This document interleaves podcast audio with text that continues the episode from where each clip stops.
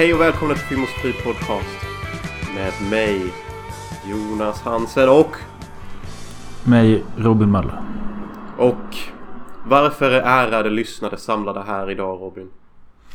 Eh, för att de gillar att följa med i våra liv och eh, de gillar film och eh, vill veta vilka typ av skräckfilmer vi ska snacka om idag. Just det. Och eh, skräcken har ju som ni vet tusen ögon och man kan ju bli skrämd på olika vis. Vissa är rädda för att sova själva och måste alltid sova med en partner eller ljuset på. Uh, vissa kan inte simma för de såg hajen som liten. Uh, och liksom... Uh, ja, och det är ju typ på många sätt skräckfilmernas fel. Eller skräckfilmernas uh, ljuva smedja. Vad säger du om det? Är skräckfilmen bra för uh, rosinnet? Eh, ja, eller nej. Bra för eh, ro. Det vet jag inte kanske. Men alltså, som du säger. Det har traumatiserat många vissa filmer. Men eh, jag... Jag blir ju inte så påverkad. Jag funderar på om det är någon film som har gjort, gjort så att jag undviker någonting i vuxen ålder. Men Alltså det är klart, jag, jag hade inte velat spendera en natt i skogen själv i mörkret. Men det hade jag inte velat utan att, alltså även om jag inte hade sett skräckfilm. Exakt, exakt. Bra, bra po- poäng du tar upp där. Så, så du kan inte känna i någon eh, arena av ditt liv så att säga där skräckfilmer har typ förstört eller också kanske förbättrat. Typ för om nu skräckfilmer skrämmer oss till att undvika vissa saker kan man då kanske tacka skräckfilmen att man har undvikit en viss gata i natten där kanske en eh, en mysko lönnmördare står med sin penis och kniv redo för att göra tjuttan av en. Du menar att man eh, med tanke på att man har sett skräckfilm så har man förberett sig för eh, sånt som ser sketchy ut. Och då undviker man det och kanske eventuellt överlever. Exakt. Eller som vissa CP-amerikaner som förbereder för apokalypsen. Zombie-apokalypsen då för att vara specifik. Och typ bunkrar upp eh, specifikt för zombisar och eh, bygger specialambo som spränger huvuden eftersom man ska skjuta sönder zombies huvud och sånt. Det finns ju dokumentärer om detta typ. Det finns ju till och med någon jävla tjomme som har hållit någon eh, eh, zombie-apokalyps överlevnadsgrej på eh, Arbetsförmedlingen här i Sverige. Alltså typ han gjorde någon kurs i hur man överlever. Och folk betalade för att gå och se det. Nej jag vet inte om de betalade men de gick kursen i alla fall för att lära sig. Shit. Ja, jag undrar om man fick lära sig något nytt. Nej jag vet inte men alltså ja. Jag, jag, kan- jag, jag kan bli lite trött på det. På zombies. Nej men på folk som är liksom Viger sitt liv och sån skit. Men sen, Ja. sen å andra sidan så är det ju de som skrattar sen när zombierna, zombierna kommer. Ja, men det är ju också så. Kommer de verkligen komma? Nej jag vet inte. Alltså jag, jag tror inte det. Jag... Men fan vet om det var Alex och Sigge som nämnde sin podd. Att det var någon skola i, om det var i Stockholm eller vad det var, som nu hade fått... Eh, Poltergeist. nej, de hade fått sån här... Eh, alltså, säg att det var ett mellanstadie. Att de skulle lära sig... Eh, att hantera en kris om zombies kommer. Men typ att kri- alltså, zombies var egentligen kodord typ för alltså, krig. Alltså ryssarna eller något sånt. Bara det att ungarna fattade inte utan de tyckte det mer var kul att det kommer zombies. Men de fattar inte att det de lär sig är vad som skulle hända ifall det kom ett krig. Nu kommer zombiesarna. Spring, spring för livet. Ja, men den är ju lite skev. Jag vet ju att när jag var i Hawaii så berättade ju min... eh, ja, en, en, en, en vän som var en vän förr. Att de är ju fortfarande skärrade efter Pearl Harbor där. Så Ja. de har ju fortfarande ett installerat eh, krisalarm typ. Och en gång så hade det gått av av misstag typ. Så att alla hade typ fått CP-panik där. Och sprungit och gömt sig och, och vissa som var höga ute på, eh, på, på gräsmattan typ i en skog. De bara shit. I'm fucking stoned here man. The fucking jabs are coming. De hade ju typ bara omfamnat döden vissa. Och, och vissa hade berättat att de hade förklarat sin kärlek för någon i en bunker och typ blivit ihop efteråt. Eh, men det var ju bara, det var ju bara ett misstag typ. Så Ja. där har vi liksom... Så, så det är ju en annan typ av skräck. En verklighetsskräck typ. Ja, den är ju värre. Ja. De är, alltså, men Sverige har ju sitt Hesa Fredrik. Det som låter när... Hesa Fredrik. Har du inte talat om det? Va? Det låter Alltså- som en, eh, en sån här e- elak ramsa. Här kommer Hesa Fredrik. Här kommer Hesa Fredrik. Vad säger han? Ingen vet. Nej men alltså det är ju beredskapslarm heter det väl. Alltså, det, det låter ju överallt i Sverige ifall det skulle hända någonting typ krig. Så dånade en signal över samhällena. Eh, och eh, det, det testas ju typ två, tre gånger om året. Men eh, det roliga var att när det testades typ förra gången då vaknade jag och hörde det. Jag bara Fuck vad är det som händer? Och jag, jag, jag fattade inte att det var ett test typ. Men eh, Shit. jag... Jag... Eh, han, alltså jag, jag bara googlade och kollade. Så bara stod det att det testades. eh, Ja, jag vet inte. Men det är ändå lite läskigt. Ja men sånt är ju skitläskigt.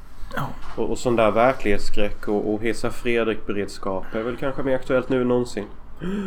Ja, precis. Tror du tredje världskriget ligger runt hörnet? Ja eller nej?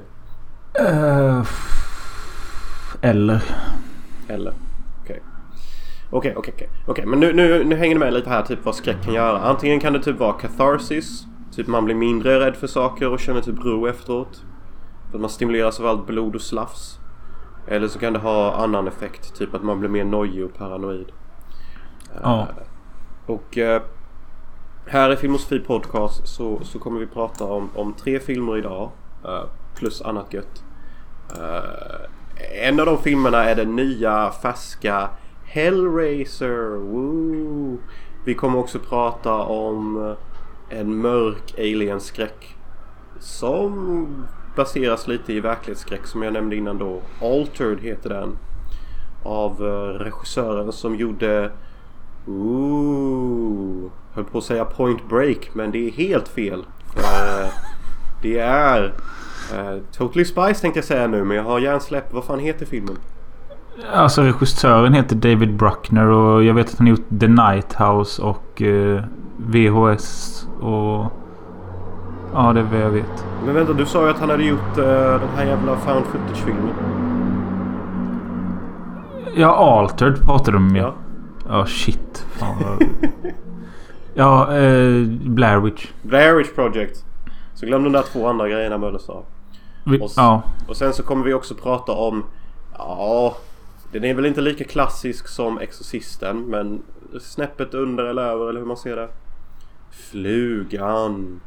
Ooh. Ooh. Så det har ni att se, eh, se fram emot. Men innan, innan vi hugger tag i Hellraiser här. Som blir vår första film ut. Och också vår nya färska hårda filmjävel. Alltså den är ju lika ny och färsk som en... Eh, ja, som en jungfru typ. Rakt ur mördaren från huset. Ja, tolka hur ni vill. Så, så innan vi hugger tag i den så måste jag bara fråga först. Hur mår min eh, mothost? Eller mothost? ja. mothost. Eh. Mölle som sitter i vit eh, morgonrock, snus i högsta hugg. Sunkkaffe Mm. i fredag den 13 muggen. eh, jag mår väl okej. Det är bara det att jag har knappt hunnit reflek- reflektera om hur jag mår. Jag, eh, klockan är 15.21. Jag hade ställt min klocka på 14.30 för jag jobbar natt. Och jag... Eh, när klockan ringde halv tre så bara kände jag bara nej fuck det här typ. Jag måste sova 10 minuter till. Ställde larmet igen. Vaknade 10 minuter senare. Gick upp. Kände lite stress för att jag visste att vi eventuellt skulle podda klockan tre. Alltså om 20 minuter Mm, från och det att jag gick upp. Samtidigt som jag har två kompisar som är på väg hit från Nässjö. Eller Jönköping. Eh, vad fan är de någonstans? De är Nässjö. typ från Nä- Nässjö. Ja, Nässjö är det. Ja. Nu är jag helt väck. Men... Eh, Eh, så ja, jag vet att de är här om två timmar. Och jag hade velat duscha, tömma diskmaskinen och lite sånt innan de kommer. Men egentligen är det gott om tid. Bara det att jag känner någon form av stress i huvudet ändå. Och så, ja, du vet hur det är. Man är nyvaken. Jag har druckit en kopp... Ja, jag har käkat en baguette också. Du, du, du, jag gillar hur du bidrar med lite mysig neurotisk stämning. Du bara, jo, jag har ju druckit kaffe och käkat en baguette också. Typ som att det var Ja, skitviktigt att trycka in det jättefort typ. Och eh, ja, så eh, låter lite eh, snurrig och förvirrad så är det på grund av att det är tidigt för mig. Eh, och eh, jag är ganska nyvaken och eh, vad fan håller jag på att svamla om? Det är helg också. Ja, men du, Ja, exakt allt du känner känner jag. Det, jag är också ganska nyvaken för jag vaknade också för typ en 40 minuter sedan. mm. Jag har precis också duschat och sitter här i en, ja, en improviserad morgonrock kan man ju säga. ja, du har en tröja om dig som en halsduk typ. Ja, för att inte visa mina tajta nipples för dig. Så du ska bli helt vick i huvudet. Ja. I want those nipples ice peered hard. You dice them with ice before you go on the show. Vilken film? Showgirls. Yes! Whoop, whoop. Till det får du en salute. Tack. Eh, så Hur mår du jag, själv? Vad jobbig fråga. Gringo. Känner mig som en mexikan ute på västernvischan med bara en burk bönor kvar. Och typ Usch. lite vatten i, i uh, chankilen. Ja. Eh, nej, det är väl typ inte så jag känner mig för jag tror inte jag vet hur de mådde riktigt. De hade nog tandvärk större delen av dagen. Ja. Eh, vilket jag har också. Eh, nej men fan jag känner mig typ stressad med för att jag börjar jobbet om ungefär två och en halv timme. Och jag har jobbat som en jude de senaste veckorna typ. Och känner jag håller på att bli lite snurrig av att sitta i studion så mycket och, och deala kort. Ja, jag kan tänka mig det. Du sa att du tycker det här lampan som är emot dig är stark och gör dig konstig. Och... Ja, efter åtta timmar i studion så händer något i mitt huvud. Alltså, jag, jag kan nästan höra klicket i min hjärna där min hjärna bara Bruv, you're on your own. Typ. Och jag bara, ja men var, var ska du någonstans då? Så bara, nej men alltså jag kan inte längre kontrollera dina, dina absurda personlighets quirks typ. Nej. Så d- det här med att du vill vara low key på jobbet och framstå som professionell kan gå lite hur som helst nu. Okej. Eh, och Men vad blir- fan är... Alltså är är det en massa extra pass du har tagit eller? Bruv. Jag är ju... eh, jag är ju... eh, the definition of workaholic typ. Ja. Så de skriver till mig, ringer mig först typ bara Tjena Jonas, do you wanna do some eh, bonus shifts? Så jag bara Bruv, just put me up typ. Nice. Men eh, jobba inte för mycket för det, det, det kan ju fucka också. Ja, det gör det. Därför har jag bestämt mig för att de två dagarna som kommer nu måndag, tisdag när jag är ledig äntligen. För typ första gången på typ tre veckor. Så ska jag faktiskt ta de två dagarna ledigt och göra lite R&R för mig själv. Vad fan är R&R? Ja, jag, jag vet egentligen inte vad det står för. Men det är vad man säger när man bara I'm gonna take some R&R, chill with the miss, have a free brew- bruise, take some time off work. Runk en runk. Runk och ravioli typ. Nej men alltså... Ja, eller hur. Nej men jag ska faktiskt ta de två dagarna till chillaxa. Se lite goa filmer och jobba på min egna film. För så... Jag är ju en movie director. eh, på något sätt. Och jag, Ja. behöver, jag behöver jobba lite åt mig själv, inte bara för någon annan hela tiden. Jag förstår. Mm, så, så det ska jag göra. Eh, sen så sitter jag också... Vad tror du är i min hemliga mugg också? Eh, om det inte är kaffe så är det väl... eh, mm, nej jag vet inte. Det är väl kaffe med någonting i. Nej, det är faktiskt lite röven. Dricker du rödvin innan jobbet? Nej.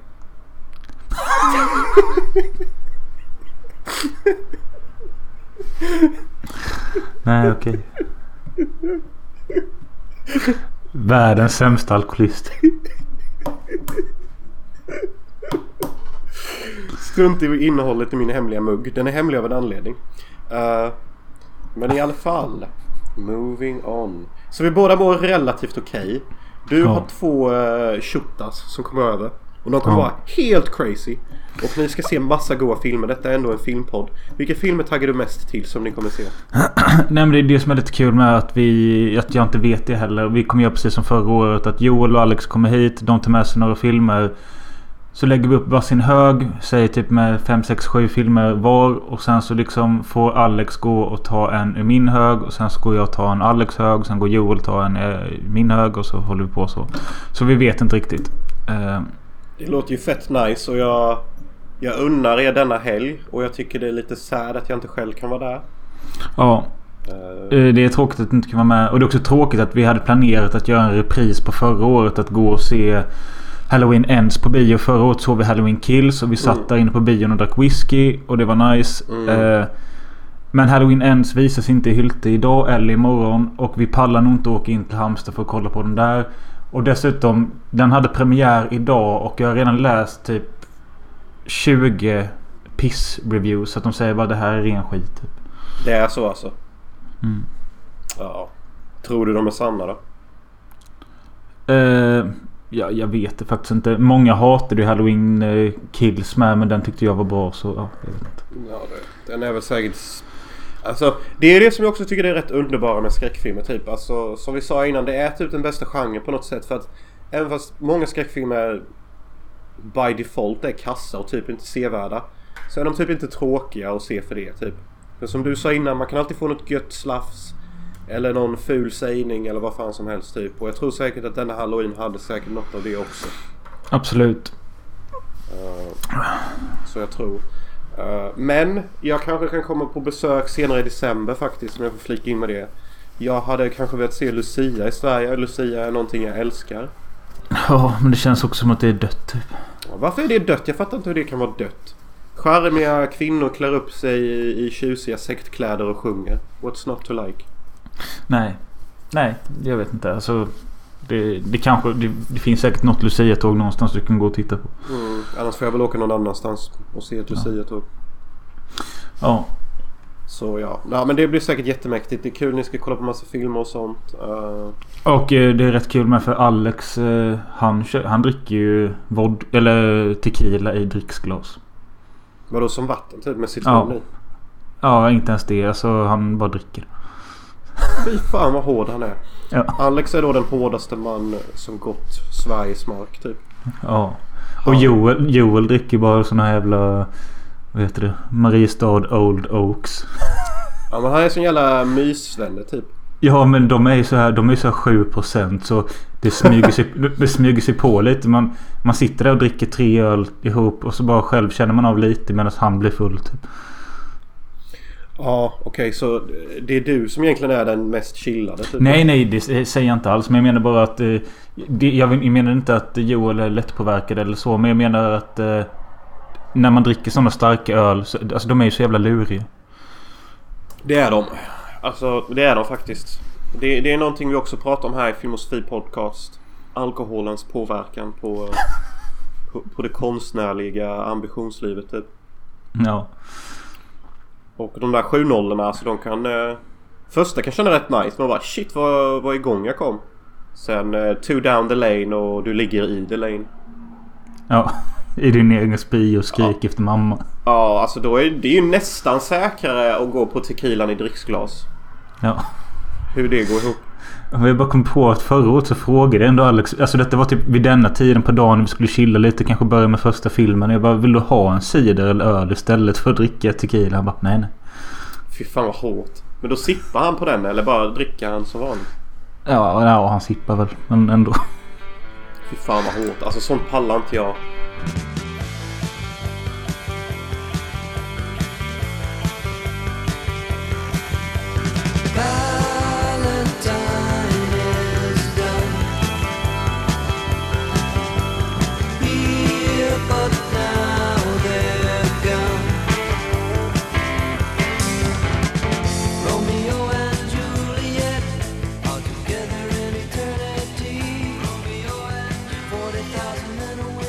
Ja, då har ni fått lite, då har ni fått lite så här, ja vilka är Jonas och Robin? Vad är Filmosofi Podcast? Vad betyder skräck? Vad är skräck? När kommer ni till filmerna? Okej, då tänkte jag att först ut skulle vi faktiskt snacka om filmen Hellraiser. Eftersom det är den nyaste och färska skräckfilmen och den heter ju egentligen Hellraiser. Och, och Hellraiser är ju en morbid skräckfilmserie som typ har gjort åtta filmer. Jag har alltid förklarat de här filmerna som BDSM horror. Eller BSS, DSM eller vad fan det heter. Ja. Ni vet det, där het- kinkiga det, sexet. det, det heter BDSM. BDSM ja. Så kinky sex horror tycker jag att Hellraiser-serien är. Eh, och eh, som ni vet kanske eller inte så har ju han som spelade Pinhead glömt hans namn. Doug Bradley. Doug Bradley har varit en legendarisk ikon för karaktären Pinhead. Som då är då den här BDSM-demonen. Eh, som, eh, som smyger sig in i folks liv för att de öppnar en viss eh, pussellåda. Och så säger han You open the box. Och sen så torterar han dem hardcore BDSM-style. Kedjor och sånt i nipples. Han vill att de ska lida så mycket som möjligt med smärta. Fast han verkar njuta av det sexuellt. Därav BDSM-horror. Eh, och alla de här demonerna som kommer när man öppnar en pussellåda ser alla ut som de är redo för det hårdaste gangbanget någonsin typ. Ja, lite så. Det är lite åt detta hållet. Och det har gjorts typ 9-12 filmer. Skoja inte. Nej, och jag, jag har sett 1, 2, 3. Och jag har sett 1, 2, 3, 4, 5, 6, 7, 8, 9, 10 uppåt alltså. Jag har sett allihop. Okej. Uh, det har jag faktiskt. Uh, och jag tycker typ nästan alla är rätt underhållande. Dock vill jag ju dock säga att de tre första är egentligen de enda tre sevärda. Ja, och det är det jag har fått höra med. Därför har inte jag fortsatt. Och jag tycker inte alltså... Jag är inte jättefrälst av dem heller. Jag tycker de är okej. Eh, så den här franchisen har egentligen aldrig tilltalat mig. Den har bara funnits. Och jag har tyckt att 1-3 går väl att se. Men det är liksom... Ja, jag vet inte. Ja, vi kan komma in på det lite under denna filmens gång. Så ska Ja. jag förklara lite vad jag menar. Så ja, nu är ni kanske medvetna om vad Hellraiser är. Eh, lite så. Och de första åtta filmerna kan vi säga då, det är säkert fler. Eh, så spelas ju Pinhead av Doug Bradley man. Och nu i den senaste Hellraiser så har vi en kvinnlig Pinhead som spelas av, som jag inte vet. Nej. Men det spelar inte så stor roll egentligen för att de här båda skådespelarna är så sminkade att när de har sminket på sig och ser ut som Pinhead så är de inte längre sitt skådespelarnamn. De är i princip Pinhead. Och det är väl typ det som är det viktiga typ. Eh, och jag förstår det här bytet av kön och det är faktiskt någonting jag kan stå bakom och inte stömma på alls. För jag råkar veta kulturell som jag är att Pinhead, karaktären och faktiskt eh, franchisen Hellraiser är baserad på en bok. Så Clive Barker. Clive Barker, exakt. Och i första boken så är Pinhead faktiskt en kvinna. Alltså. Och under 80-talet när, när de bestämde sig för att producera första Hellraiser så tyckte de att klimatet passar inte en kvinna. Utan vi kommer göra Pinhead till man. Så de ändrade könet från eh, boken till, Till filmen film. då till en man. Så egentligen så är denna Hellraiser mer lik originalet än vad originalet är. Okej. Vilket jag tycker är kul. Detta är enda gången jag inte har någonting emot ett gender swap för att det faktiskt är vad, vad, vad the source var från början. Ja. Eh, det, ja, det... Alltså jag stödde mig inte på det märkvärt. Det Eh, kanske inte är någonting någon stör sig på för att det är så himla vanligt med gender swaps och sånt. Jag tänkte bara att det kunde vara värt att nämna att detta är egentligen inte typ som... eh, Ja, inte fan vet jag vad fan heter Ghostbusters. Typ där de bara Mm. vi gör gender swap för att vi bara vill göra det för vi är Hollywood och vi tänker framåt. Blö. Eller Ja. typ race swap. Eh, lilla sjöjungfrun var vit och nu är hon svart. Yay! Framåt, progressivt. Alltså det är inte, jag, känner, jag känner inte samma sak när jag ser nya Hellraiser. Att detta är ett sånt beslut. Utan detta är mer Doug Bradley kanske är gammal, kanske inte lika charmig längre. Uh, låt oss bara go back to the source typ. mm. ja, jag vet faktiskt inte vad... Vem som ligger bakom det valet och... Eh, jag vet regissören David Bruckner. Han gjorde ju senast förra eller förra, förra året The Night House. Som är någon eh, skräckfilm om en kvinna som typ har förlorat sin man och sörjer. Spelas av Re- Rebecca Hall. Den verkar bra men jag har inte sett den än. Är det något Mm. du känner till? Nej, det är tyvärr ingenting jag känner till. Det är ingenting jag känner till. Men ja, ja. Okej, Hellraiser då. Okej, okej. Ni, ni tänker BDSM horror. Jaha, okej. Någon öppnar någon pussellåda. Så okej, så i de här filmerna så är det alltid någon som öppnar någon elaksinnad eh, kvadrant pussellåda. Kvadrant, är det så man säger kvadrat? Kvadratisk kanske? Ja. Och öppnar man denna pussellådan då, då, då anammar man the centerbites som det kallats. Och the centerbites är ju då de här BDSM-demonerna. Det, det är inget to där. Ja. Alltså de heter Xenobites, inte Cento. Ah, Okej, tack tack. Cenobites. Ja. Och de här är änglar. Är de. Eh, Ja, möjligt. Inte den typen av änglar som kommer ner med en harpa och klappar dig på kinden. Utan de, de sätter en kedja i ditt penis och säger njut. Ja men det är ju typ det de gör. Eh, så öppnar man den här pussellådan så, så, så får man tillgång till en alternativ dimension. Ett slags mellanläge mellan himmel och jord. Och då kommer de här demonerna. Och de vill du ska njuta. Det vill de. Men deras, deras idé av njutning, de här demonerna och, och änglarna, är smärta. Och de smärtar dig till döds liksom. Och detta är Ja. filmerna. Detta är alla filmer. Och höjdpunkten av alla de här filmerna är när, faktiskt när det, det Xenobites dyker upp. För de har sån jävla Ja. klass. De är riktigt sexiga. Speciellt om man är into BDSM. Och de, de, they don't fuck around. De köttar kedjan, de slafsar ens hud. De, de flår en direkt alltså. Och de gör det med klass typ. Ja. Jo, visst är det så. Eh, Jag, eh, jag, jag kollade upp här nu. Det finns 11 Hellraiser. Ja, så detta är då den tolfte då? Eller, är Ja, eller om detta är elfte tror jag. Okej. Ja. Eh, Men det är lite som du säger att det är när de dyker upp det blir kul. Eh, För, men den här filmen. Jag bara antar för jag har ju missat de senaste sju. Eh, Mm. Jag antar bara att det känns som att den här känns lite som en nystart igen. För Ja. det, det har gått några år sedan senaste och det verkar... Alltså David Bruckner är ändå en populär regissör nu och det känns som att filmen har fått pengar och de har lagt ner mycket tid. Kan, alltså det, det tycker jag att de har gjort i alla fall. De har lagt ner för mycket tid på karaktärerna och det är inte ofta jag säger så. För mycket tid? Hur menar du nu? Jag menar att filmen är fucking två timmar lång och det byggs... Alltså... Det... det visst, jag kan uppskatta att huvudrollen är en... Ja, hon är en före detta missbrukare som bor hos sin bror och eh, hon råkar öppna pusselboxen och... Eh, eh, det bara känns... Alltså jag gillar typ att vi får lära känna en karaktär som har några karaktärsdrag. Men det känns också som att de har lagt ner lite för mycket tid på det och glömt av vad de skulle göra typ. Ja, jag håller med lite där. Uh, nu när du säger det, filmen kändes jävligt lång. Jag visste inte att den var två timmar för jag såg den i två etapper. Eh, men ja, de har lagt ner mycket tid på huvudrollen som är en, en riktig jävla loser typ. Och, och det är mycket karaktär och sånt. Och också boven i filmen då som inte är Pinhead. Han är också rätt jävla utvecklad. Han som Ja. eh, våra demoner har förvandlat till en uppvriden eh, gubbe typ. Vilket är ganska Ja. hemskt. Ja, men jag vet inte vad jag tyckte om han. Nej, inte jag heller Edith. Men alltså... Ja, alltså vi behöver inte prata så jättemycket om filmen alltså, eftersom den är så ny och färsk. Men bara... Okej, här. Till er som är fan av Hellraiser men bara gillar de tre första.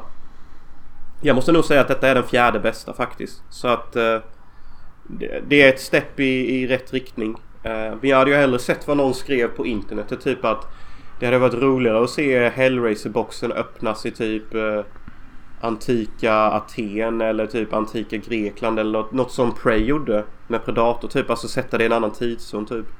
Ja, faktiskt. Men sen kan jag också tycka att eh, det är så tråkigt att filmen utspelar sig... Det känns som i en, en timme utspelar sig i ett och samma mansion typ. Ja, det är också lite segt faktiskt.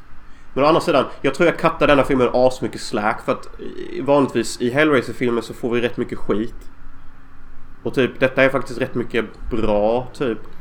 Ja, det känns ju som att de verkligen typ har tänkt mycket på vad de kan göra med eh, själva historien om Xenobites och vad det verkligen är. Och den sista halvtimmen är ganska häftig final liksom när det kommer... Det, det sprutar blod hit och dit. och Det går en pele upp som droppar blod uppåt och... Eh, det händer massa skev skit och eh, det är Cenobites överallt och... Ja, det var ganska coolt men allting kändes lite för långt. Ja, jag håller med. Allting känns lite för långt. Och man får också reda på hur Cenobites tänker.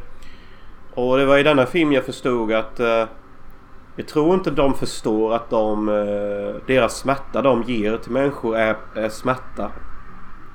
För att de här Cenobites, de upplever smärta som njutning. Och de är, de är så inne på det spåret att de fattar inte vad de gör mot människor. Ja, lite kul lore att tänka på medan man ser filmen. Och i denna filmen får vi också se hur en Cenobite skapas. Vilket jag tyckte var jävligt häftigt att se. Ja, det gillade jag också faktiskt. Ehm, Det var ju ett Men- av de höjdpunkterna. Jag kan också...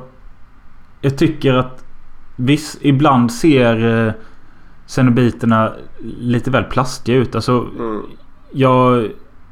Tittar man på de gamla filmerna. Visst, då har de kanske lite mer kläder på sig. Doug Bradley hade väl någon slags läderdräkt. Och det var bara hans ansikte som var sminkat och sp- spiken i huvudet. Mm. Här är de typ nakna fast... Mm, ja, Jag vet inte, det ser typ ut som en... Tom Savini hade en lite dålig dag när han gjorde en latexdräkt typ. Ja men jag förstår vad du menar. I de äldre, det som gör att det ser lite bättre ut. Det är att det alltid är lite mer dimma i, i scenografin. Alltså i, i själva rummet de är i. Så att allting dunklas mer. Sen hade de också mer slime-gegga på sig. Alltså jag vill minnas att cenobiterna i de äldre filmerna var... Det ser ut som att de hade hoppat ur ett eh, aloe vera-bad också. Ja. Så det, alltså geggan typ eh, slätade ut allt som såg lite plastigt ut och de såg lite så här. Usch, ni har typ krällat ur livmodern precis. I era Ja. jävla BDSM-dräkter och det har vi inte här. Om man ska Och här är det liksom, du ska synas i solljus i 4K och eh, vi har inte arbetat tillräckligt med det. Nej men så här, ah, ja, men skitsamma. Hellraiser är en ny film. Det är ett step upp från de senaste sju. men det betyder inte att den är jättebra för det. Men alltså helt klart sevärd. Det är den faktiskt. Jag tycker. Jag tycker, men alltså denna hade kunnat varit... Eh, de hade kunnat klä upp en myra till Pinhead och jag hade sagt att detta var sevärt. Jag har en viss förtjusning för Hellraiser-franchisen eh, som inte är nyttig tror jag. Ja, och jag kan hålla med. Jag tycker inte den var jättebra men eh, ändå oväntat bra för att vara den elfte filmen i en redan utskattad serie typ. Ja, och när kommer nästa fredag den 13 brav? Nej, det vet jag faktiskt inte. Det där vill jag se och jag vill att vi ska gå tillbaka till Camp med Malloy. Alltså Camp Crystal Lake. Ja. jag vill inte ha mer städer och rymdstationer och skit. Bara, bara ge mig det vanliga. Jag bara kom att tänka på att man borde göra någon typ... Alltså sätta det... Sätta Jason på ett sånt eh, Wild Kills läge. Like a joke.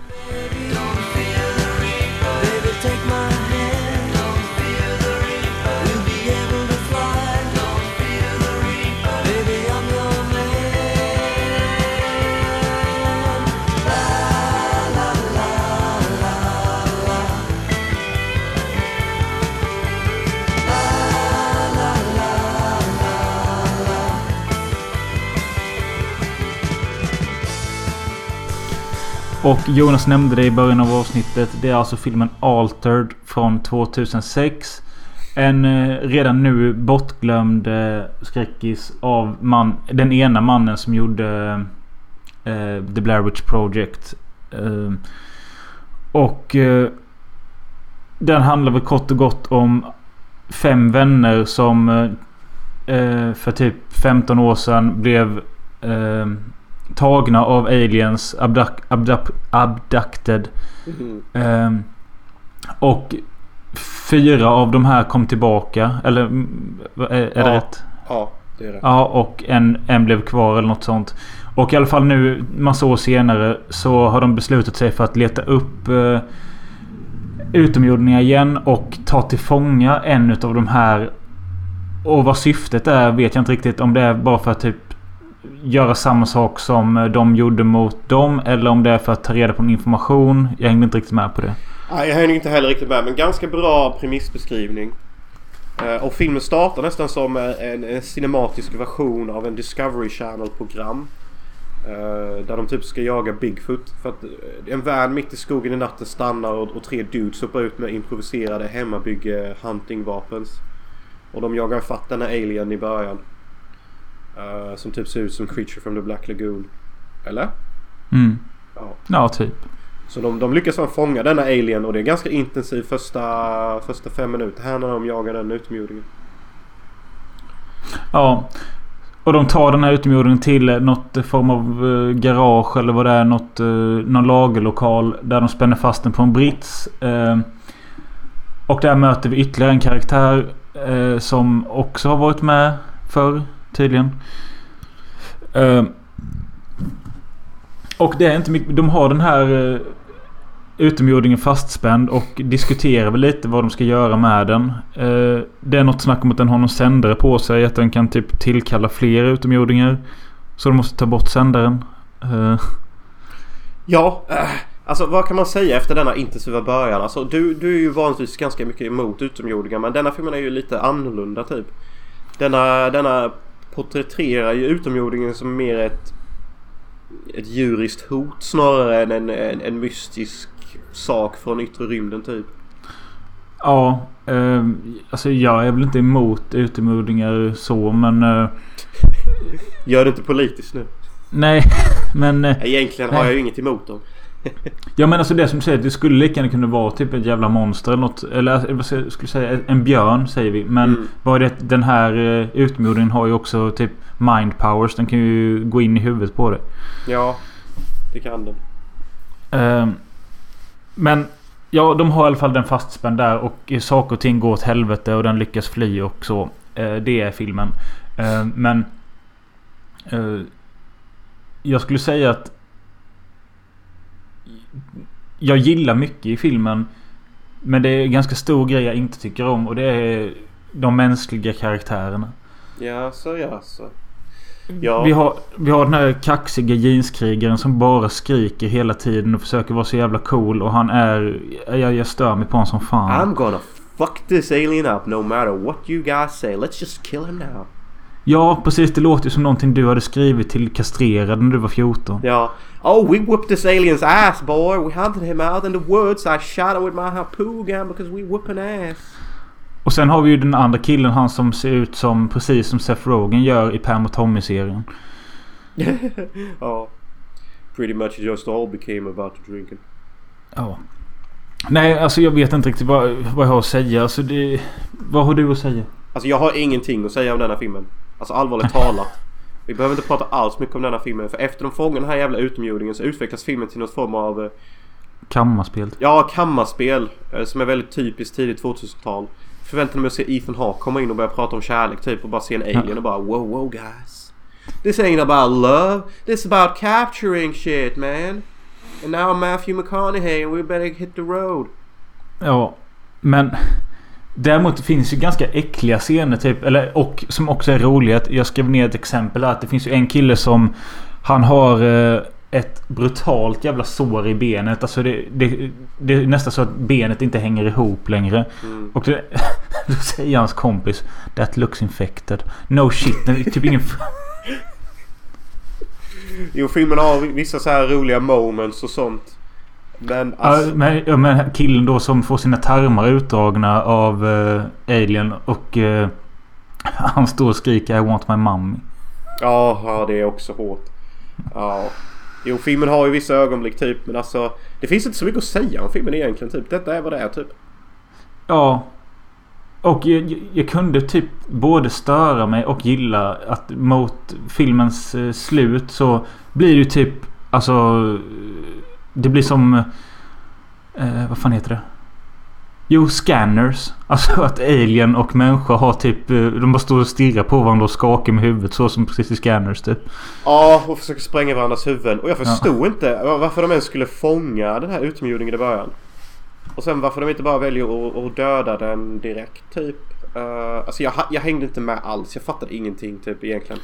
Men känner du som jag att det är lite konstigt att i alla fall eh, du och jag som eh, ser mycket film att det inte förrän... Eh, Vad blir det? 16 år efter den kom. Att det är då vi har talas om den. Ja, alltså lite. För alltså den är ju inte dålig. men den är ju inte jättebra heller. Och utomjordingarna ser fan skitbra ut och typ beter sig jättebra också. Jag vet egentligen inte. Jo, alltså lite konstigt är det väl. Kan det vara typ att den här... När kom Science? 2003? Ja, eller 2004 kanske. Ja, jag tänkte ifall den kanske kom samtidigt och då bleknade den eller något. Men nej, jag vet inte. Nej, jag vet inte heller. Alltså, sen så stör jag mig på att utomjordingarna har rött blod också. Ja. Alltså, det är sådana här detaljsaker. Spelar inte så stor roll egentligen. Men det är vissa så här små saker. Och sen, sen så tycker jag typ att Okej, jag köper att karaktärerna blir weirded out. Men eh, typ sista halvtimmen så känns det som typ all, all hjärna har lämnat våra karaktärer. Och, och de typ, de dimmar runt i sina dialoger. Och det är väl någonting jag antar kan hända om man varit utsatt för mycket stress och uh, hållit på med en utomjording som antagligen har fuckat lite med ens huvud. Typ att man blir lite weird och, och är fast i någon slags psykos typ. Men det blir ju också att vi som tittare typ är motvilligt också fast i en psykos och vi känner också typ att vad bär det av typ. Ja. Eh, också ganska äckligt när... Eh, det är väl den här jeanskrigaren som har blivit biten av alien och han förmultnar mer och mer. Det är ganska bra effekt. Ja det är väldigt bra effekt och jag tycker alltid, jag tycker alltid det är så hemskt med, med bit i film. Det är därför jag tycker om zombiefilmer så mycket. För att det är liksom så här typ. När du har blivit biten då är du lika med död. Du vet bara inte Ja. när. Nej, precis. Men Altered från 2006. Den går att se. Det gör det. Eh, men man kan också leva utan att se den. Ja.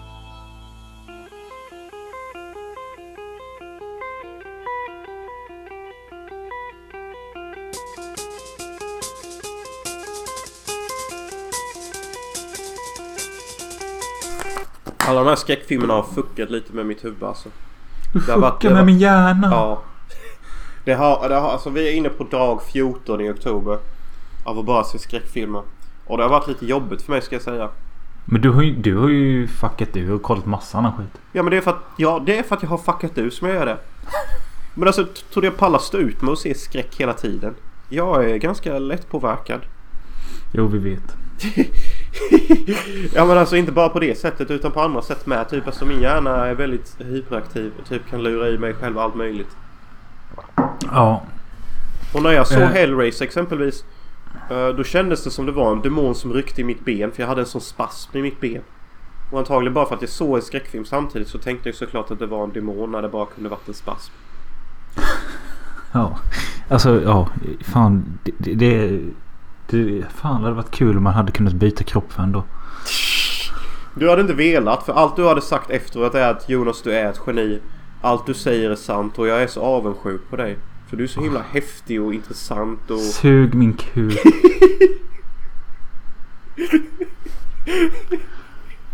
Sug min röv.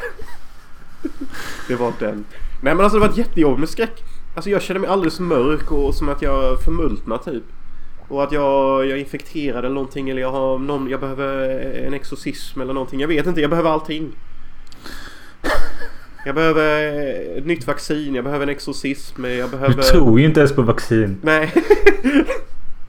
Som sagt. Jag, jag pallar inte trycket längre, jag pallar inte. Så därför satte jag på Ratatouille häromdagen. Jag behövde bara en kontrast. Hur kändes det då? Skönt. Alltså Ratatouille äger. Och du har inte sett den. Ditt Jag tror inte man ska uttala L men jag vet inte. Nej, inte jag heller. Jag måste dock säga det att efter nu har jag sett Ratatouille. Jag tror Ratatouille kan hända. Jag vet inte ens vad det handlar om så det säger Det handlar om en råtta som lagar mat typ till eh, på ett stjärnrestaurang. Jaha, och du tror det kan hända? Jag säger inte det kan hända varje dag eller typ ofta. Men en gång i, i mänsklighetens framtida historia och bakhistoria. Det kan hända. Ja. Jag tror en råtta kan kommunicera med en människa och de kan laga mat tillsammans. Ja, jag, jag, jag säger typ att 70% av denna filmen kan hända. Ja, eh, jag känner att det är, det, är, det är ett samtal för en annan podd typ. Ja, Men, du, med, du, någon, fan- an- med någon annan. du ska fan se Ratatouille. Du tror inte att du kan sitta där och undvika alla klassiker som, som Gladiator, Patrioten, Sagan om ringen, eh, Nyckeln till frihet och bara sitta där i din morgonrock och se fredagen den 13. Nej. Okej, jag ska se Ratatouille snart. Nästa månad. I november ska jag se Ratatouille. Mäktigt, mäktigt. Det uppskattar vi. Och så vill jag att du ska säga om du tror att Ratatouille kan hända eller inte. Alltså. Det är typ... Man brukar säga, vad tror du att filmen Armageddon kan hända? Tror du filmen Ratatouille kan hända? Ja, ja men alltså efter nog, noggrann betänketid. Noggrann. Så, så tror jag. Så tror jag det. Tror du filmen Before Sunset kan hända? Mer än Ratatouille. Skitsamma, vi måste hugga tag i eh, den sista filmen för ja, ja, vi måste bli klara. Ja, för jag måste till jobbet snart typ.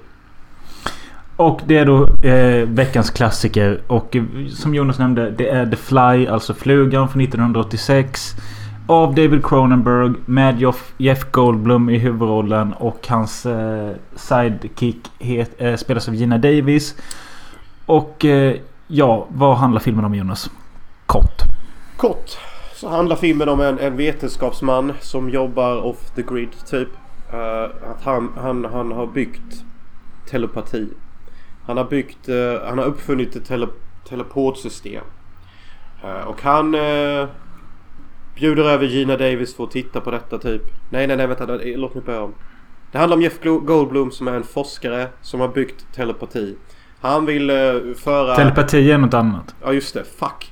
Det handlar om Jeff Goldblum som är en vetenskapsman. Eller forskare. Han har byggt ett teleportsystem. Som gör att man kan transportera objekt A till objekt B. Utan fågelsträckan. Alltså du, du, du skapar... Du, du, du, du bryter ner det och så teleporterar... Alltså alla vet väl vad telepati är? Ja, men nu sa du telepati igen. Shit, teleportot. Nej fuck vad fan vad svårt det här är. Teleportera, jag, jag vet inte. Men ja, och detta inser han att om han lyckas eh, göra detta med en människa så kommer det revolutionera resemöjligheter och allt sånt och han kommer klassas som ett geni. Och detta visar han för Gina Davis som träff, de träffas på en jävla fest i början av filmen. Och det gillar jag jävligt mycket att filmen är pang på. Rätt in på den här festen och mitt i en diskussion mellan dem. Ja, de, de eh, gör en jättesnygg fade eh, som, som fejdar fram till en eh, hyfsad aristokratisk fest för forskare som kan presentera sina idéer till journalister. Och så får journalisterna typ välja om de vill åka hem och titta på forskningsprojektet eller inte. Det är nästan lite som en swingersfest fast för forskare typ.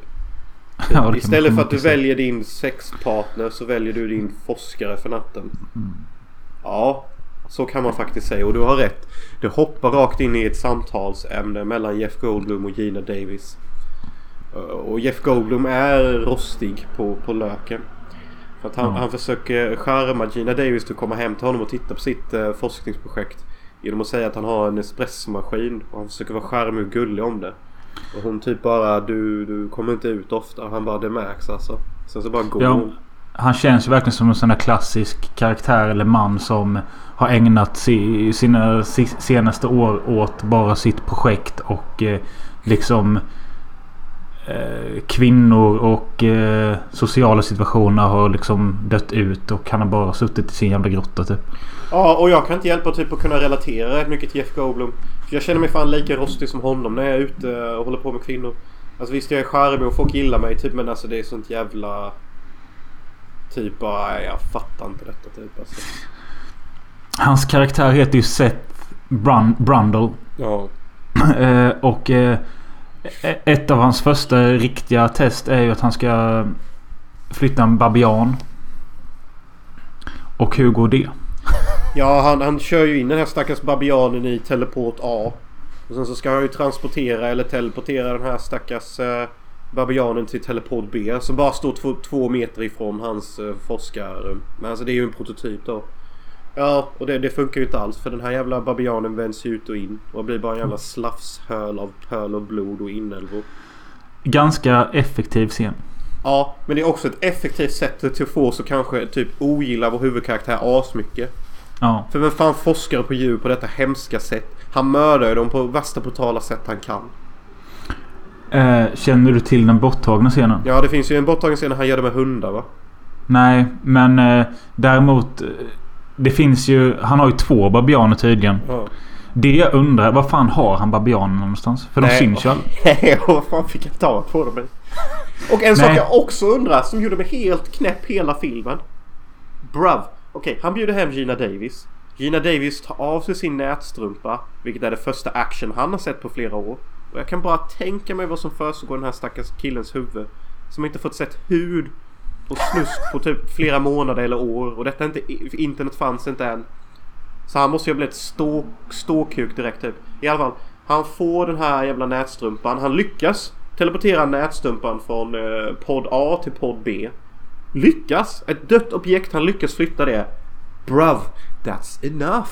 Du behöver inte lista ut hur man flyttar en mänsklig sak från punkt A till punkt B. Det kan vänta. Ja, det känns, att, alltså, det känns som att filmens förlopp utspelar sig typ under ett par veckor. Och det känns som att han... Ja, han blir helt galen bara för att han lyckas med en skitgrej. Så måste han liksom lyckas med att flytta en människa. Och han kanske borde forskat ett par år till. Ja, han borde definitivt forska ett par år till. För jag tänker så här typ, okej. du har löst hur du kan flytta döda objekt. Så du kan alltså flytta typ eh, timmerstockar, väskor. Alltså det, det är så mycket som förändras. Du behöver verkligen inte lista ut hur man flyttar en människa också. Det är liksom, du vinner redan Nobelpriset bara på detta typ. Det är fortfarande den mäktigaste uppfinningen i världen. Den här Ja. besattheten av att, lösa och flytta en människa förstår inte jag. Var den Nej. kommer ifrån. Nej, men det är väl typ att... Jag tror det är väl sån här klassisk grej att du har lyckats lite och vill lyckas mer. Alltså... Du kan girig, typ. gi- girighet typ. Alltså fast i, i vetenskap. Jo, jag hade kunnat köpa den aspekten om filmen handlade lite om det. Men det känns inte som den gör det. Typ. Det, detta känns som en så smal gripe. För att det här måste ju hända för att filmen ska, ska kunna utvecklas till vad den är. Och Ja. det den är då en gång att Jeff Goldblum, vår huvudkaraktär, får ju för sig någon kväll att bara nej alltså Han lyckades teleportera en babian för han har två babianer. Så han lyckas ju teleportera den ena babianen senare. Men sen någon kväll när han blir full för att han tror att Gina Davis som blir hans flickvän under ganska tidig gång i filmen. Det går snabbt som fan. Ja, och jag tycker det är så nice att han får Gina Davis. Alltså för att jag relaterar så mycket till Jeff Goldblum. Jag är också den här konstiga forskaren fast jag är regissör istället. Och typ ingen förstår mig och, och jag ligger i sängen och är frustrerad. Och så dyker ju Gina Davis ner i sängen med honom och bara säger typ bara du är så söt. Och han bara är jag. Och sen bara har de värsta good time där. Det är nice alltså. Men till scenen du var på väg till så hon har ju en ex-pojkvän som även är hennes eh, editor på den här tidningen hon skriver för eller vad det är. Ja, Och det tycker jag är jävligt skönt med att det är typ av de här tre karaktärerna i filmen. ja det är Ehm, skönt faktiskt. Eh, och han heter Stadis någonting konstigt. Daddy's och, Home. eh, men... jo, som du sa. Brundle blir ju... Han, han får för sig att Jenny Davis är tillbaka hos sin ex-kille och eh, ligger med honom. Mm. Därför super han sig full och eh, bestämmer sig för att nu jävlar ska jag eh, göra den här teleporten på mig Ja, själv. för att han super sig full framför babianen. Som typ Ja. sitter och bara typ fumlar med sina händer eller någonting. Ja, det, jag tycker det är så jävla snygg detalj att det är ju en liten fluga som stör babianen. Ja, just det. Bra du sa det. Det är faktiskt en liten fluga som håller på med hans nos där, eller vad fan en babian har. Babian för övrigt spelad av en babian som heter Typhoon. Typhoon. Ja. Okej, så Typhoon sitter och, och skådespelar med sina jävla tassar framför näsan på sig själv ja. Och Jeff Goldblum tittar på den här babianen och dricker mer och mer bara You're right. You look like a baboon. You, you act like a baboon. I'm gonna shoot myself through the fucking teleportation system. Så han startar det här jävla teleportsystemet med sig själv nude i podd A. Alltså teleport A. För att han ska teleportera sig själv till eh, podd B. För att han är CP. Och han måste bara lösa det här med mänsklig teleportering. Ja, så det vet ju både han och vi som tittare om att skulle han liksom ha på sig kalsonger eller något sånt. Då kommer ju kalsongerna också ut, utsöndra något DNA. Så han kommer bli merchad som en kalsong typ. Ja, Så därför är han naken. Ja, precis. Och, men innan, precis innan podden hinner stängas då till hans teleportsystem så, så hinner en fluga smita in. Så den här flugan och han merchar tillsammans. Eh, fast det vet han ju inte om direkt. Han, han lyckas ju bara teleportera sig och känner sig typ helt normal efteråt. Typ bara va? Jag lyckades teleportera mig själv. Eh, men vi som tittar ser ju flygan slinka in och vi ser ju att de merchar.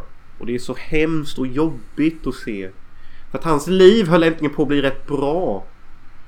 Vet, vet, Mm. du hur jobbigt det är att sitta och forska på sina projekt? Men bara, bara sakna denna, denna kärlekströst som man äntligen får av Gina Davis. Ja. Och så bara Och så- fuckar ur detta.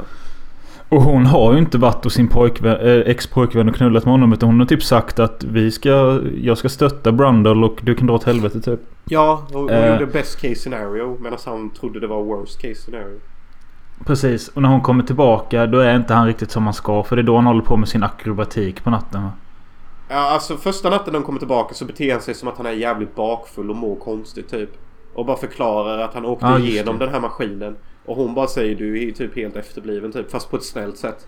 Typ bara alltså varför Mm. gjorde du det? Och han bara nej men alltså jag var avundsjuk. Jag trodde du låg med ditt ex. Jag blev arg, jag var CP typ. Ganska fin och romantisk scen. Typ deras sista mänskliga scen tillsammans. Ja, och han får ju också de här hårstråna på ryggen som är äckliga. Ja. Eh, Och sen, sen, så, sen så tycker jag filmen är jobbig alltså. För att Jeff Goldblum spelar för bra typ. Han- blir ju typ helt alkoholpsykosad typ två dagar senare och bara Alltså du, du, du, måste gå igenom teleporten. Alltså jag har sett köttets lustar. Jag känner mig helt nyvaken. Jag kan göra akrobatik. Jag kan knulla i 700 timmar. Jag är the ultimate human typ. Ja, han, han, han menar ju på att eh, ja, han är på nyttfödd och han är så stark och allt, ingenting är jobbigt. Och eh, Han kör ju sjuk akrobatik i sin lägenhet och han ligger med henne hur mycket som helst. Men eh, Jo men också en scen när de ska käka kött. Det fattar inte jag. Är det babiankött? Nej jag vet inte faktiskt. Jag vet inte. Nej. Och det är någon scen tidigare innan han blev en jävla flugman. Eh, Ja. Men... eh, Ja, alltså folk känner väl till detta men han blir mer och mer en fluga och... Eh, Gina Davis försöker liksom få kontroll över situationen men hon inser att det är lönlöst. Så hon lämnar ju typ honom som han, så han är för sig själv och blir bara värre och värre.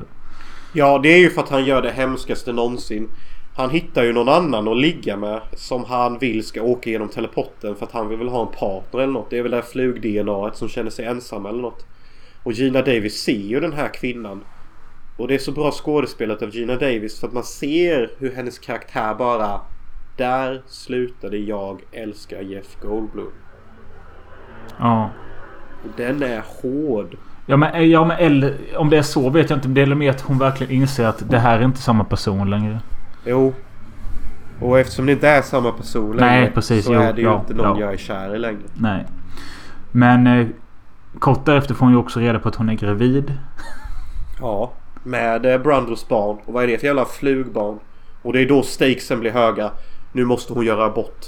Men Goldblum håller på att bli mer och mer en stor jävla CP-fluga. Och han börjar klättra på väggar och äter mat och har syra för spott och... Ja, men det är ju någonstans här som den här borttagna scenen som finns att se på Youtube skulle vara. Och det är när han är typ hälften flugman. Så får han för sig, då har han fortfarande sin levande babian. Eh, plus att han har stulit eller fått tag i en katt någonstans. Och han sätter båda dem i teleport A. Och när de kommer ut i teleport B så har de merchat till en babiankatt. Och är helt hysterisk. Attackerar honom och han slår ihjäl babianen och katten med ett järnrör. Och detta valde... Alltså för det första så var det en sån testscreening. Där folket tyckte att detta var för mycket. Och Cronenberg själv ansåg att Brandel blir alldeles för osympatisk om man klubbar ihjäl en babiankatt som han själv har skapat liksom.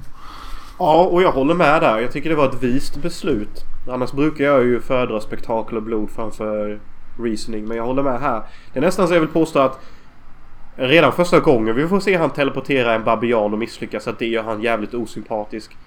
För att det är ett ganska vågat djurförsök som inte är nödvändigt. Brother, jag säger det igen. Du behöver inte lösa mänsklig eller animalistisk telepati. Det räcker med det du har typ. Eh, sen finns det den här aspekten att hans transformation till fluga skulle kunna vara någon... Alltså Cronenberg är ju grym och äcklig på det sättet att han... eh, Han visar ingen nåd för vad som händer med kroppen och... Eh, eh, vissa har ju kallat det någon slags symbolik för cancer. Andra skrev att det var någon slags symbolik för aids. För aids här- härjade mycket under den här tiden och... Mm. Eh, det är ju väldigt äckligt alltså när han börjar tappa sitt öra och sina naglar. Och du skrev på vår filosofi podcast på Instagram att du, du mådde dåligt på riktigt typ. Ja men för det första så tycker jag att Jeff Goldblum är för bra skådespelare. Typ. Alltså, det, det märks så tydligt när, när DNA-flugan i honom tar över. Och han, han separ ur. Jag känner mig som Gina Davis typ. Jag vill bara det ska ta slut typ. Uh, och, och sen, sen när vi väl börjar närma oss slutet. När hon typ bara ska, När Gina Davis typ slår Goldblum men råkar rycka loss hakan på honom. Och han Ja, förvandlas till den värsta megaflugan. Då sitter jag igen och har epileptisk anfall och typ bara shit, shit, pallar inte, pallar inte detta är hur hemskt som helst. Ja. Alltså, men jag vet inte vad jag ska säga egentligen. Jag hade med denna på min topp 10 skräckfilmer när vi gjorde det avsnittet. Och nu när jag såg denna gången så såg jag det med min tjej som aldrig hade sett den. Hon tyckte den var skitbra. Vilket på något sätt gjorde att jag tyckte den var ännu bättre än vad jag tyckte innan. Så den är så jävla bra. Va? Jag trodde du skulle säga att du tyckte den var sämre. Fan, Nej. Häftigt. Ja, alltså det, det finns typ... Jag vet inte. Det enda jag kanske skulle tycka är lite... Lite tråkigt det är scenerna med X-killen. Alltså... Han funkar väl men... Om jag, om jag måste klaga på något så är det han typ. Ja fast han funkar typ. Jag tycker, jag, det jag gillar med honom det är att han, han känns som ett vuxet hot. Med tanke på att han, han är... Alltså i vanliga filmer när, när vi har terrorister och, och utomjordingar och sånt. Alltså, visst det är ett hot. Men det är inte ett hot vi relaterar till. Exet känns som ett hot som nästan finns i varje människas liv. Typ ett, en kompis man blir ovän med eller ett ex typ. Alltså det, det känns, det är ett riktigt hot. Som vi alla kan förstå. Min tjej blev också imponerad över alltså typ själva effekterna och det blir man ju. Alltså det är ju fortfarande hur bra som helst. Och filmen vann faktiskt Oscar för bästa makeup. Ja det, det förtjänar det fan. Men vad kul, vad sa din tjej mer då? Flippade inte hon när allt sjuka hände? Eh, jag kommer inte ihåg vad det var hon tyckte. Jo, alltså hon tyckte ju det var äckligt så. Eh, för hon, hon hade typ fått för sig att det skulle se ut... Just det, det kan vi också säga att filmen bygger ju på en tidigare film från 58 som i sin tur bygger på en novell. Och i filmen från 58 då ser flugan mer ut som en cartoonish eh, fluga. Alltså hur fan ska man förklara hur den ser ut? Eh, En vanlig jävla fluga typ. Ja precis och det var typ så min tjej hade förväntat sig att det skulle se ut här. Men det här är mycket mer grafiskt och ett långsamt lidande. Ja, och eh, när den ultimata flugan kommer ut i slutet. Alltså det är ju inte en fluga. Alltså det är ju en merge. Nej. Alltså det är ju en Ja. ny ras. Alltså det är, Ja. ju, det är ju det är ju flug-DNA som har blandats med människo-DNA. Ja. Typ så att det är ju liksom inte ens en fluga typ. Det är ju en human fly. Och de har ju lyckats skitbra. Eh, musiken reagerade på den här gången att den är ganska bra. Den är gjord av Howard Shore som sen skulle göra Lord of the Rings soundtracket. Som han är mest känd för såklart. Ja. Ja, jag såg också det. Jag tyckte det var häftigt. Denna filmen gjorde mig också sugen på att se The Fly 2. eh, Som jag har hört har en del bra scener. Jag har sett den, minns ingenting mer än att... Uh, Eric Stoltz är med va? Ja men alltså det är det. Gina Davis drömmer ju om en uh, abort eh, där eh, det kommer ut en fluglarv ur henne ju. Ja usch. Eh, där för övrigt gynekologen spelas av David Cronenberg själv. Eh, och eh, det ska finnas någon alternativ sekvens till den. Där hon föder någon fin slags fjäril-liknande sak.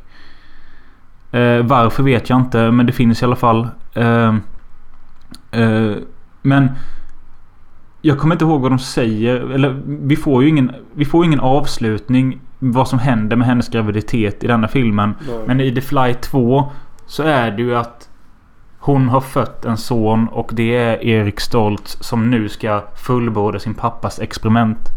Att teleportera mänskliga grejer eller? Ja. Vad är det med den här besattheten? Alltså släpp det grabbar. alltså släpp det på redigt. ja. Jag fattar inte vad det ska vara bra för. Jag, alltså, jag, jag hade aldrig satt mig i en teleport. Aldrig. Kalla mig gammalmodig men hade någon uppfunnit det? Jag hade bara nej. Du, vi kan teleportera mina värdesaker, det går jag med på. Men jag själv, jag tar fågelvägen tack. Ja. Jo, jag fattar. Men... Äh, ja, alltså... Nu, man kan inte ge Cronenberg äh, allt... Äh, vad ska jag säga? All hyllning. För det är kanske inte han som kom på idén. Men själva grundidén är ju skitbra. Men sen att förvalta det som Cronenberg har gjort med sina effekter och val av skådisar och miljöer. Alltså den här lagerlokallägenheten är ju... Den är speciell, alltså unik typ. Och jag, det finns ingenting jag inte tycker om i film. Nej, alltså, jag håller nog med där. Jag tyckte det var jättebra typ. Eh, så jag gjorde. Jag har fan ingenting Och den är kort. Den är kort med. 90 Ja, minuter. Det är fan ja. perfekt. Den är rätt snabb att se. Eh, nej, den, den funkar alltså. Det, den är precis som Exorcisten. Typ en riktigt solid skräckfilm. Kommer nog aldrig bli dålig direkt. Jag har ju för övrigt sett eh, alla de gamla. Men det finns ju tre. The Fly, The Fly 2 och Curse of the Fly. Som kom mellan 58 och 66 eller något. De är också helt okej. Jesus Christ. Ja, du, de har inte jag sett. Men jag ska nog se The Fly 2 i natt kanske. Jag bara blir sugen på att se uppföljaren här på den. Ja. Eh, men jag har inte sett The Fly. Nu har vi redan berättat hela filmen. Men se den ändå. Eh, jag... Eh, Jag vet inte vad jag skulle säga. Men jo, det jag skulle säga till dig Jonas var att eh, vi har ju Riket att prata om. Men, jag hinner inte det. Då vi Nej, ta det jag hinner inte gång. heller. Men vi kan bara nämna att Riket säsong 3 är ute.